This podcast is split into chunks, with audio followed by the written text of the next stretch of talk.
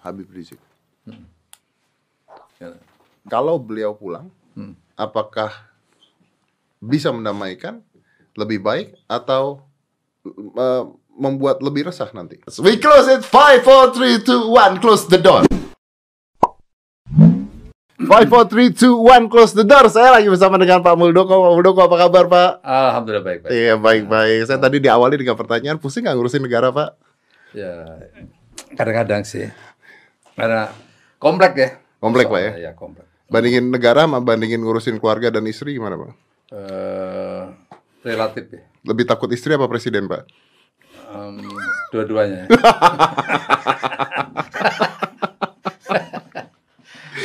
gitu. Cuman kan kalau presiden nggak mungkin tidur di sofa Pak. Kalau istri bisa tidur di sofa Pak. Ya, kadang-kadang di luar. Nggak masuk ke dalam. mungkin istri kasihan melihat Pak Muldoko. Saya pikir begitu ya. Di kantor udah bawa blur di rumah bawa blur Iya kan? Kalau lihat berita kan diserang, diserang, diserang, ya kan? Tidak Pancasilais, ya kan? Ya begitu. Masa di rumah mau diserang lagi Makanya gitu kan? gitu. Jadi istri tahu diri lah gitu Iya ya. tahu diri istri kayaknya kasihan. Tapi yang menarik nih Pak, ini justru saya pengen tahu. Eh, eh, benar nggak sih Pak Muldoko ini kan jenderal, jenderal. Terus kemarin juga saya baca berita kemarin tuh ada saat dirut eh, Garuda dipecat ya. Dirut Garuda dipecat. Itu ada berita kan berita sekarang Indonesia kan kacau-kacau bikin judulnya. Jam tangan dirut Garuda sama dengan jam tangannya Pak Muldoko. gitu. Iya, iya. Tapi artinya udah sukses. Iya. Tapi saya dengar katanya dulu susah Pak, makan aja susah Pak. Oh sudah susah. Saat-saat itu ya, saya pikir bukan hanya saya ya, tapi hampir sebagian masyarakat di kampung saya itu susah ya. Gitu. Betul-betul eh, situasinya ya. Saya masih ingat waktu kecil eh, antri minyak tanah. Antri minyak tanah. Iya. Kok bangga sekali Pak. Jadi pada sekarang nggak bisa antri. Oh iya, iya benar-benar. Antri minyak tanah. Hmm. Karena minyak tanah belum masuk ke daerah tersebut. Ya, apa sulit ya? Tapi yang yang jadi sekarang Pak, saya mau tahu dari keluarga Pak, yang jadi berapa orang Pak? Eh, yang jadi ya, yang yang lainnya biasa-biasa. Gitu. Saya lebih, lebih yang paling berhasil ya. Yang masuk pemerintah Pak? Eh, ada sih kakak saya jadi dan Ramil ya, top itu dah. Ah, oke, oke. Kenapa larinya ke sana Pak? Maksudnya Pak Muldoko kenapa larinya ke ke tentara? Ya memang nggak ada duit untuk kuliah waktu itu kan. Kalau ada duit mungkin beda lagi ceritanya gitu ya. Jadi pilihan menjadi tentara karena pada saat itu tidak punya duit untuk Ya antara itu, antara nggak punya duit, antara nggak punya duit juga ada apa ya? Ya sudahlah begitu. Karena Pak, Pak berarti pasrah ya. Ya Coba Pak kan sekarang udah sukses. Sukses. Apalagi sekarang udah staf ahli ini luar biasa banget.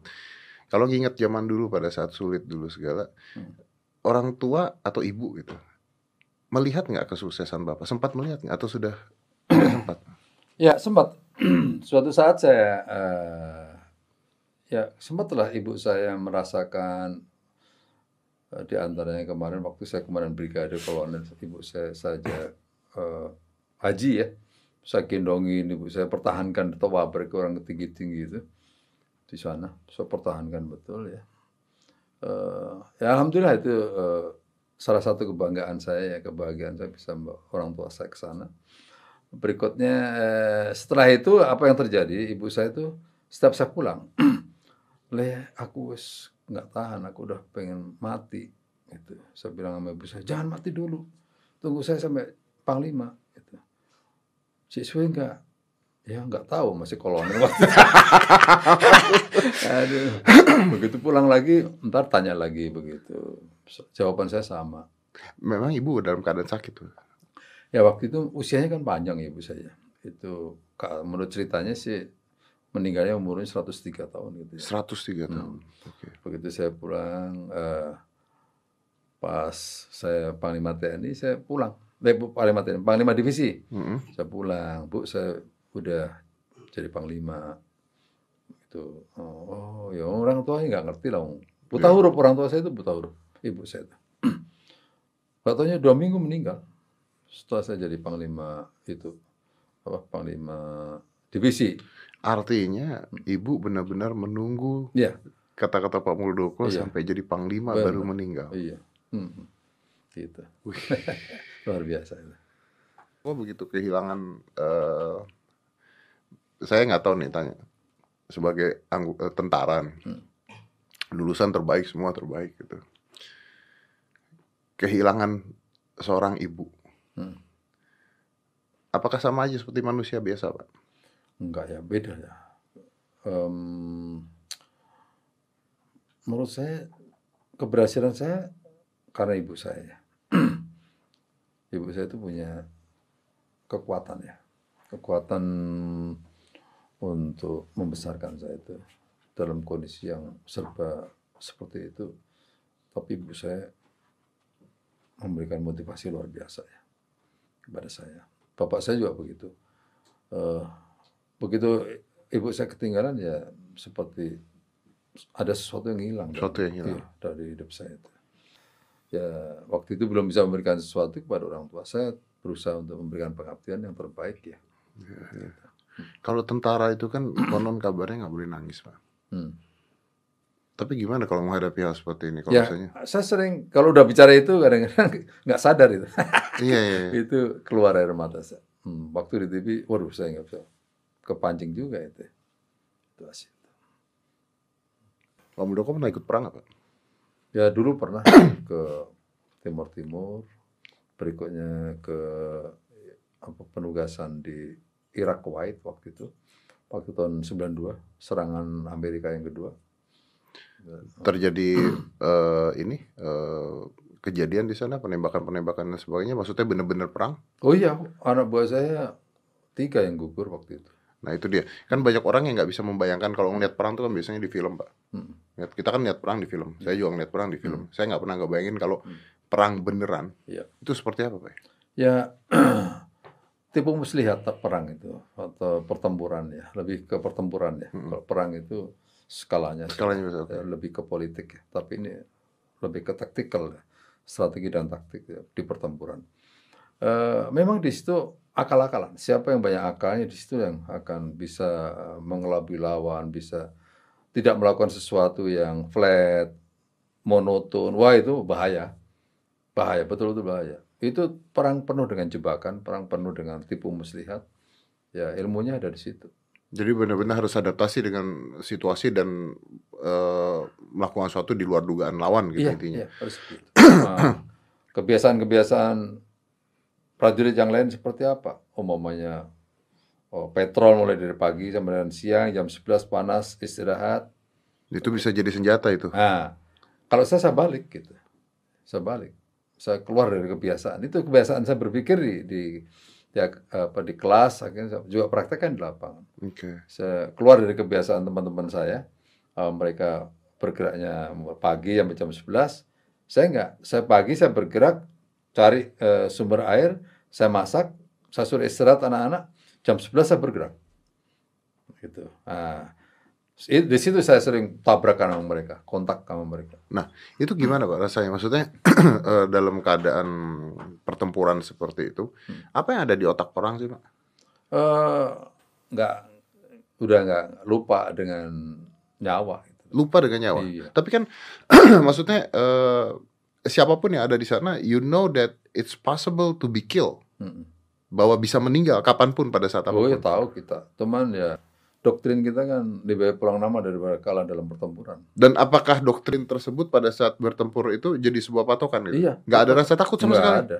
Kalau Nggak ada rasa takut sama sekali. enggak. Masa sih? Iya. Makanya waktu saya sekolah di di New Zealand itu saya berbicara dengan para perwira. Keberanian bisa dilatih. Saya cerita, kaget semua. Ini kita nggak apalagi saya memimpin anak-anak eh, Makassar waktu itu ya. Begitu kontak itu udah kayak jonga aja tuh. Duduk duduk duduk. duduk. Wih, Itu konsolidasi cukup lama nanti kita tarik. Jadi eh, apa ya? Kayak hiburan begitu. Kayak hiburan. Iya kayak hiburan. Kotak. Dak. Duduk. Apalagi perut lapar. Udah kadang-kadang lupa eh, apa itu lupa tembakan. Makanannya GPK yang ketinggal kita caca- kecacar kita ambil dulu makan kurang kurang aja. Karena lapar. Lapar. iya lapar. Karena ada waktu itu saya eh, bawa pasukan dua hari nggak dapat dukungan logistik ya. Kita cari eh, air juga susah. Saya baru tahu bahwa masak nasi itu nggak bisa pakai air kelapa di Timur Timur itu. Oh, eh, saya nggak tahu kenapa pak. Nggak tahu, saya juga nggak. Kan waktu nggak ada air nih. Ah, Oh, tapi ada kelapa. Kita gunakan air kelapa untuk masak. untuk masak nasi, Nah, nggak bisa. nggak bisa. Nggak bisanya kenapa? Maksudnya jadi apa? Ya nggak jadi apa-apa. Eh, nggak. Dia misah aja gitu. Iya, ha. jadi Oh, nggak iya? nggak ada yang berubah gitu. Oh wow, saya Iya, baru tahu iya, tuh. Baru tahu saya juga. Biasanya kalau orang eh, di anu kan mungkin nasinya udah masak, baru airnya. baru di airnya Kalau ini mulai dari awal, nggak bisa nggak bisa. Oke. Bisa. Pak, tapi kan kalau perang nih, kan berarti kan ada ada eh, prajurit bapak atau ada teman atau apa yang misalnya meninggal di situ kan, Hmm. ketembak gitu misalnya ketembak. Itu kan di depan mata Pak Muldoko sendiri. Iya, persis di depan mata saya. Saya waktu itu di depan eh, ada kalau kita eh, petrol kan nggak boleh paling depan karena ada yang paling depan itu namanya pro, speed kita penjuru depan paling depan berjalan kita ikuti di belakangnya. Ah begitu prajurit saya kena dep itu wah saya loncat mengejar mereka. Dan salah satu bintara saya mengejar saya untuk menarik. menarik saya. Karena kalau enggak saya mungkin bisa bablas juga itu. Nah, seperti itulah eh, kondisi kadang-kadang lupa kita itu Berarti pada saat itu yang terjadi begitu ketembak, prajurit ketembak emosional mau menyerang mereka Iya. kembali. iya mau ngejar mereka Mau ngejar itu mereka. nggak boleh padahal itu Padahal resikonya Taktik bisa terbunuh di sana sebenarnya. Hmm. Oke, nah kalau misalnya ngelihat teman atau prajurit ketembak gitu pak, dan dia meninggal gitu, Hmm. ini kan membuat ketakutan sendiri secara psikologis bahwa anda pun bisa ketembak dan meninggal di saat Iya. itu. justru yang kita bangun membalas dendam gitu. Justru uh, bukan kita ketakutan. Saya menggerakkan pasukan saya untuk mengejar mereka. Gitu. ya kita eh, nggak boleh anak-anak takut dalam menghadapi situasi seperti itu karena ujung-ujungnya stres. Dan ada juga anak-anak eh, prajurit yang stres. Ada yang malam hari waktu kita berada di kita bisa tidur kan buat lingkaran pertahanan melingkar itu. Di situ ada eh, anak buah telanjang, teriak-teriak, nembak-nembak gitu. Dalam keadaan yang nggak terang ya. Nah, ini juga masalah menghadapi situasi seperti ini. Berarti karena trauma di sana, lalu dia stres dia melakukan hal seperti itu. Iya. Ini jadi masalah baru lagi berarti Iya, di sana. masalah bagi ah, justru itu menurut saya memang eh, seorang pemimpin komandan itu itu di situ bagian dari proses leadership ya. Hmm. Eh, cara-cara mengatasi situasi seperti itu. Ah, lama-lama mereka eh, menjadi apa ya terbiasa menghadapi situasi. Tapi how can you not be stressed ketika melihat teman sendiri atau prajurit atau anak buah atau itu ketembak di depan mata meninggal untuk mereka stres saya rasa normal atau memang tidak boleh sama sekali. eh nggak eh, situasinya ya situasi di dalam pertempuran itu kan eh, kita bekerja waktu itu hampir saya setahun ada di hutan ya nggak ngelihat lampu neon nggak ngelihat apa-apa udah satu tahun bleng itu dalam hutan ya pastilah ada orang yang punya tingkat ketahanan ya, yang- ada yang nggak mampu. Nah, nggak mampu gitu. Jadi ya biasa itu ada yang stres begitu. Ntar kita evakuasi, kita per- rehabilitasi, balikin lagi ke depan lagi gitu. Pak Muldoko pernah kena tembak? nggak? Enggak, enggak pernah. Nggak pernah kena Nggak tembak. pernah. Oke. Eh, baku hantam? Oh sering, sering. Tabrakan sama mereka sering, biasa. itu. Dan kita cari. Gitu. Memang itu yang dicari. Oh iya kita cari. Kita ngapain ke daerah operasi kalau nggak nyari? Iya, iya, iya. Nah, oke. Itu kan perang, Pak ya. Cuman kan kalau sekarang ketika eh, memimpin sebuah negara nih, Pak. Hmm. Saya anggap Bapak salah satu pemimpin negara kita nih, Pak. Ini perangnya kan beda nih, Pak, sekarang, Pak. Iya, Perangnya lawan sosmed, iya. Iya, iya. lawan netizen, Hmm. ya kan? Hmm. Eh, mungkin bukan fisik nih. Iya. Kalau perang fisik, oke lah, you- you're professional gitu, Iya. Pak. Udah nggak usah ditanya lagi. Hmm. Nah, perang di zaman ini perang milenial nih, Pak. Hmm. Lawannya kadang-kadang bot. Hmm. Lebih stres mana, Pak?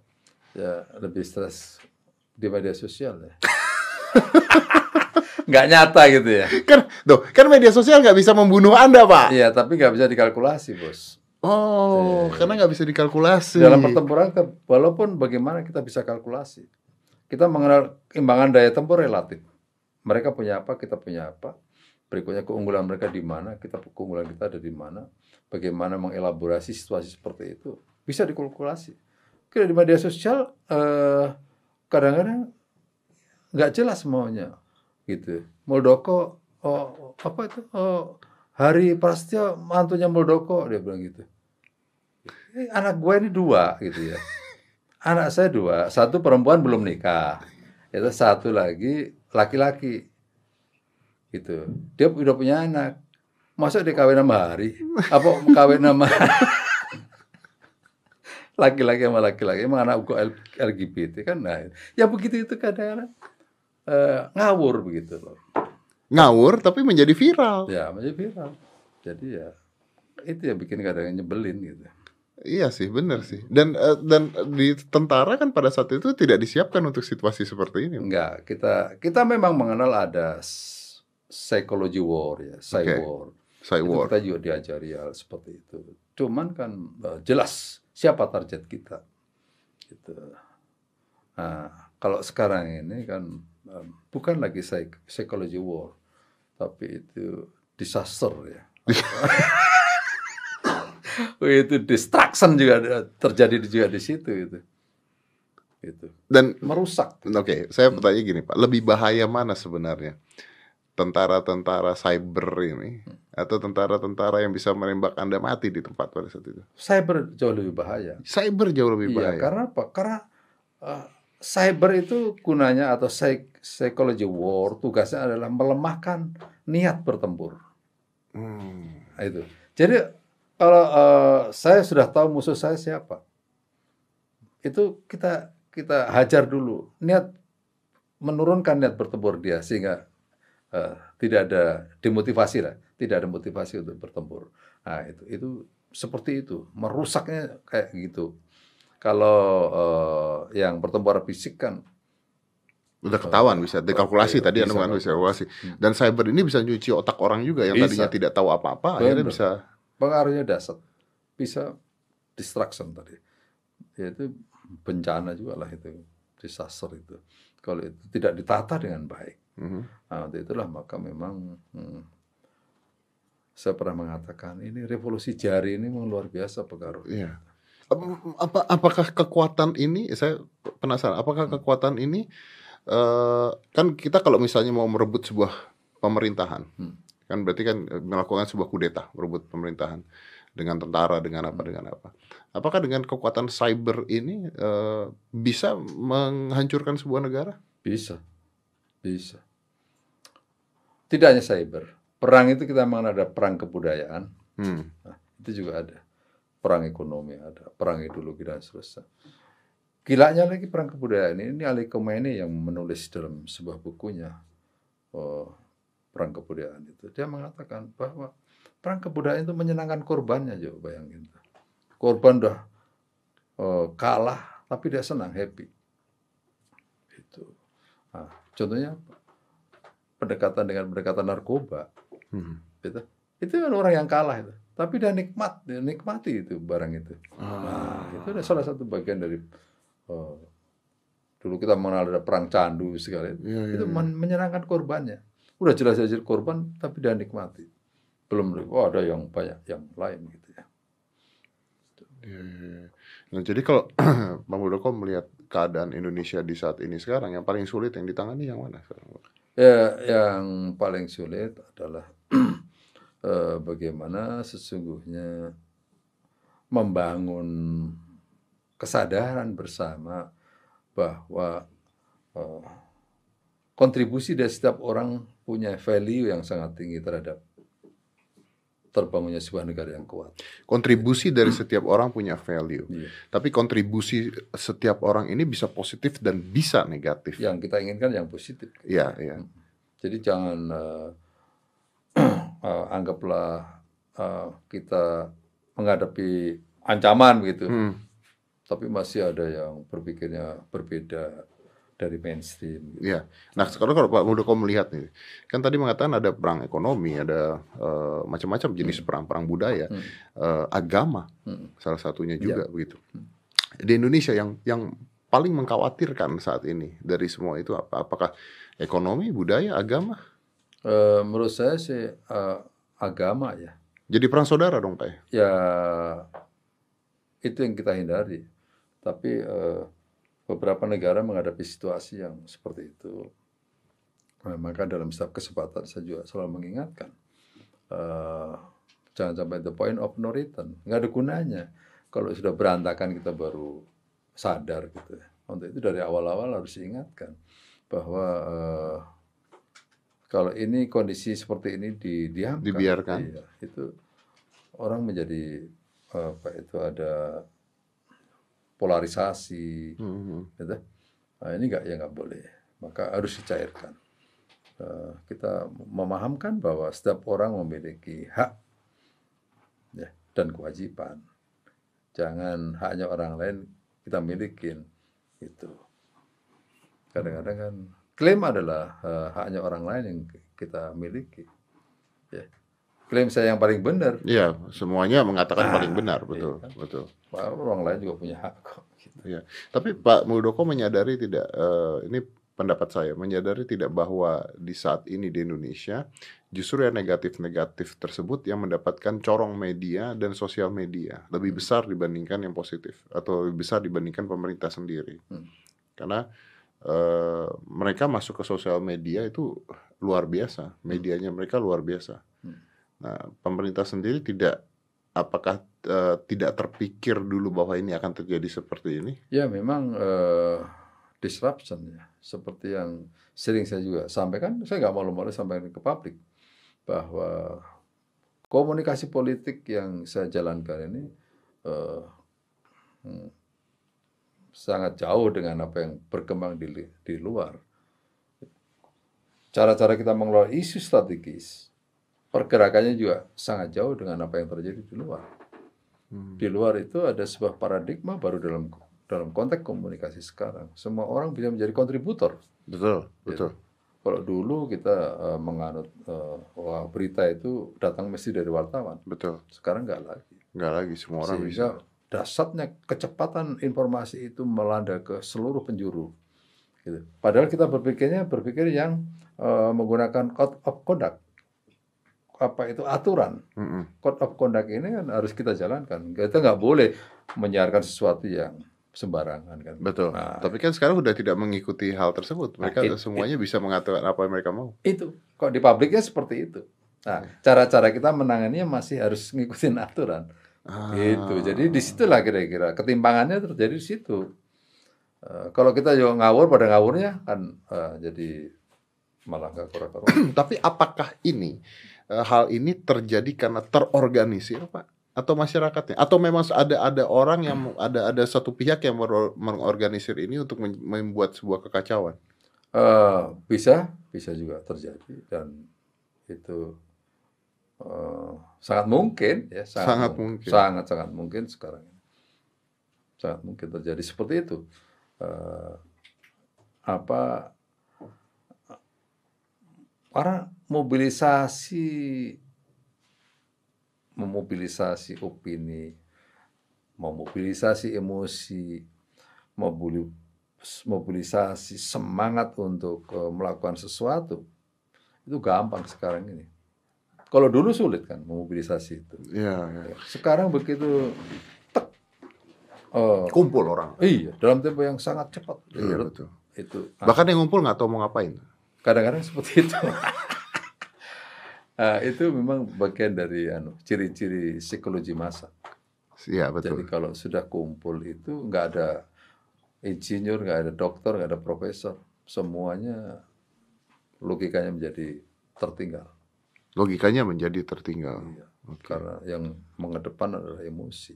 Apakah ini dipelajari juga di militer, Pak, sekarang, Pak? Oh, kita kita ajari karena apa itu psikologi publik itu kita ajari, psikologi massa namanya. Hmm. Kita belajar itu Eh, bagaimana mengelola massa, bagaimana eh, mengelola konflik, ya resolusi konflik itu kita kita belajar.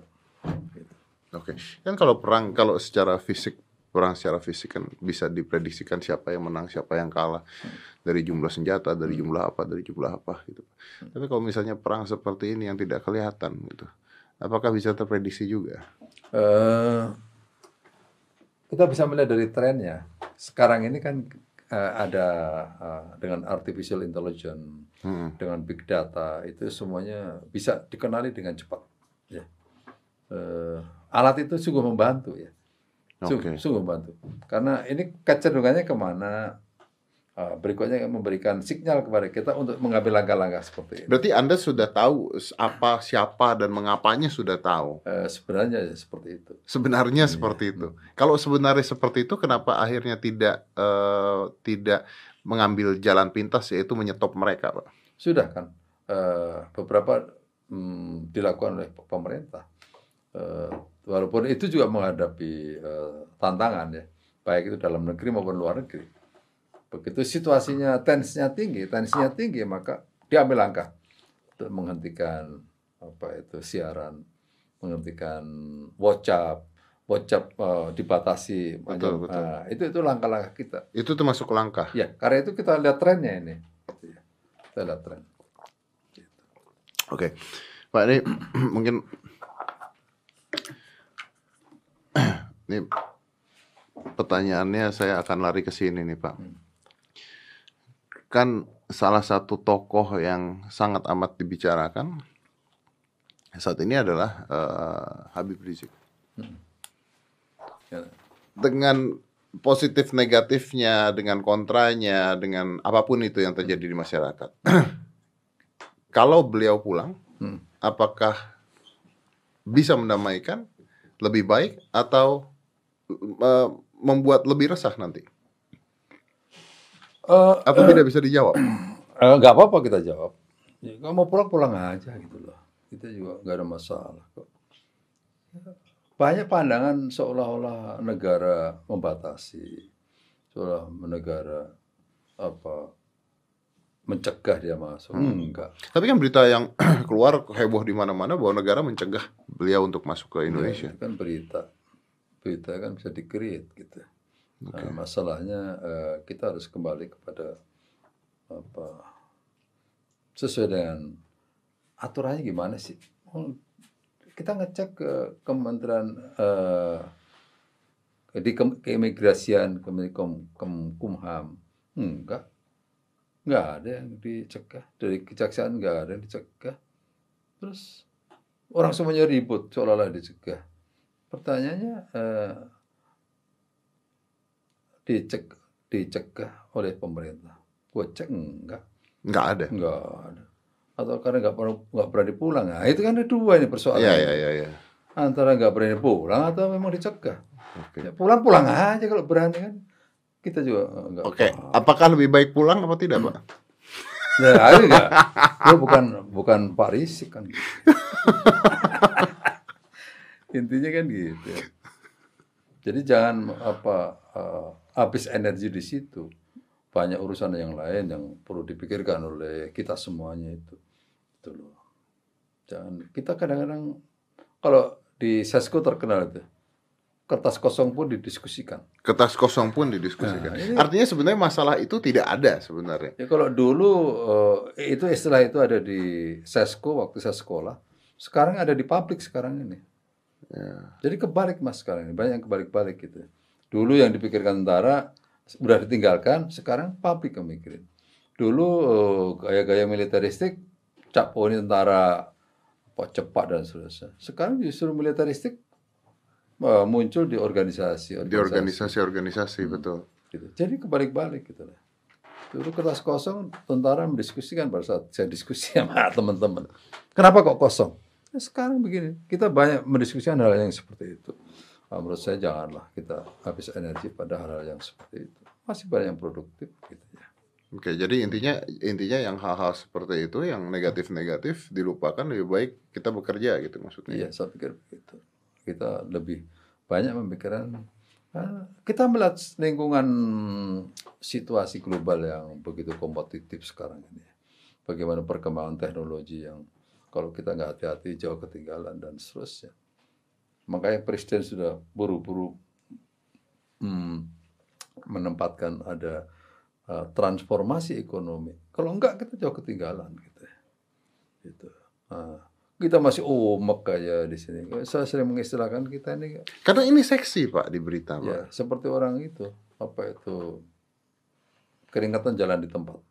Iya, iya, Se- iya. Seolah-olah bekerja keringatan, padahal nggak gerak-gerak ke depan.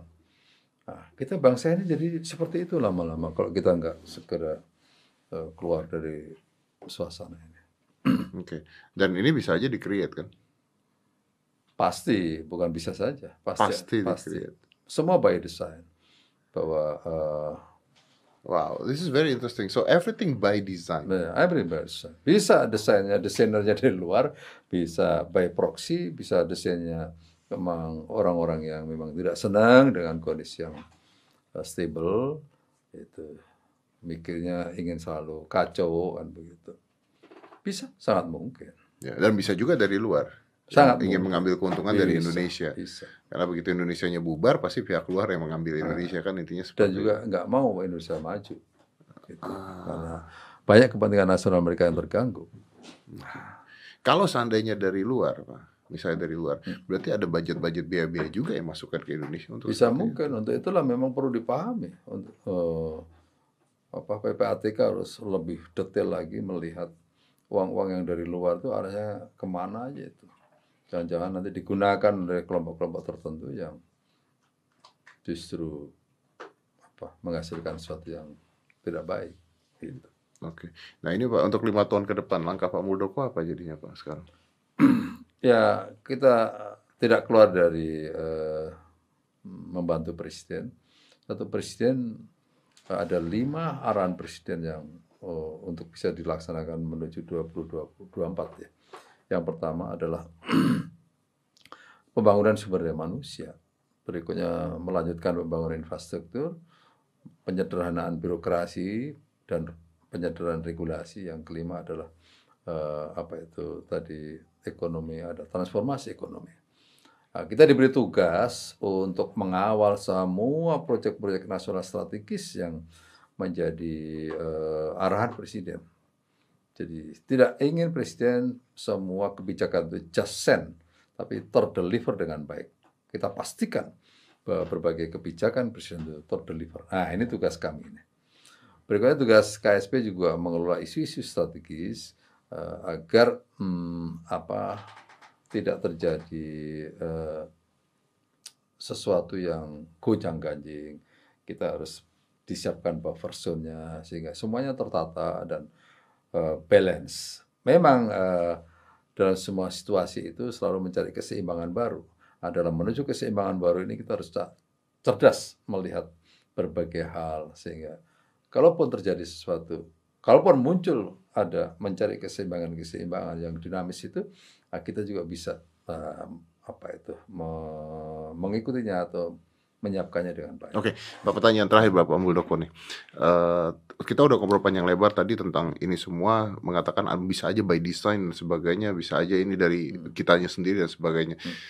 Sebagai masyarakat mungkin akan bertanya seperti ini. Eh, saya tahu jawabannya pasti ingin eh, menenangkan masyarakat, tapi kita penasaran masyarakat. Apakah ada kemungkinan Indonesia bisa hancur oleh ini semua? Oh enggak, Enggak. enggak.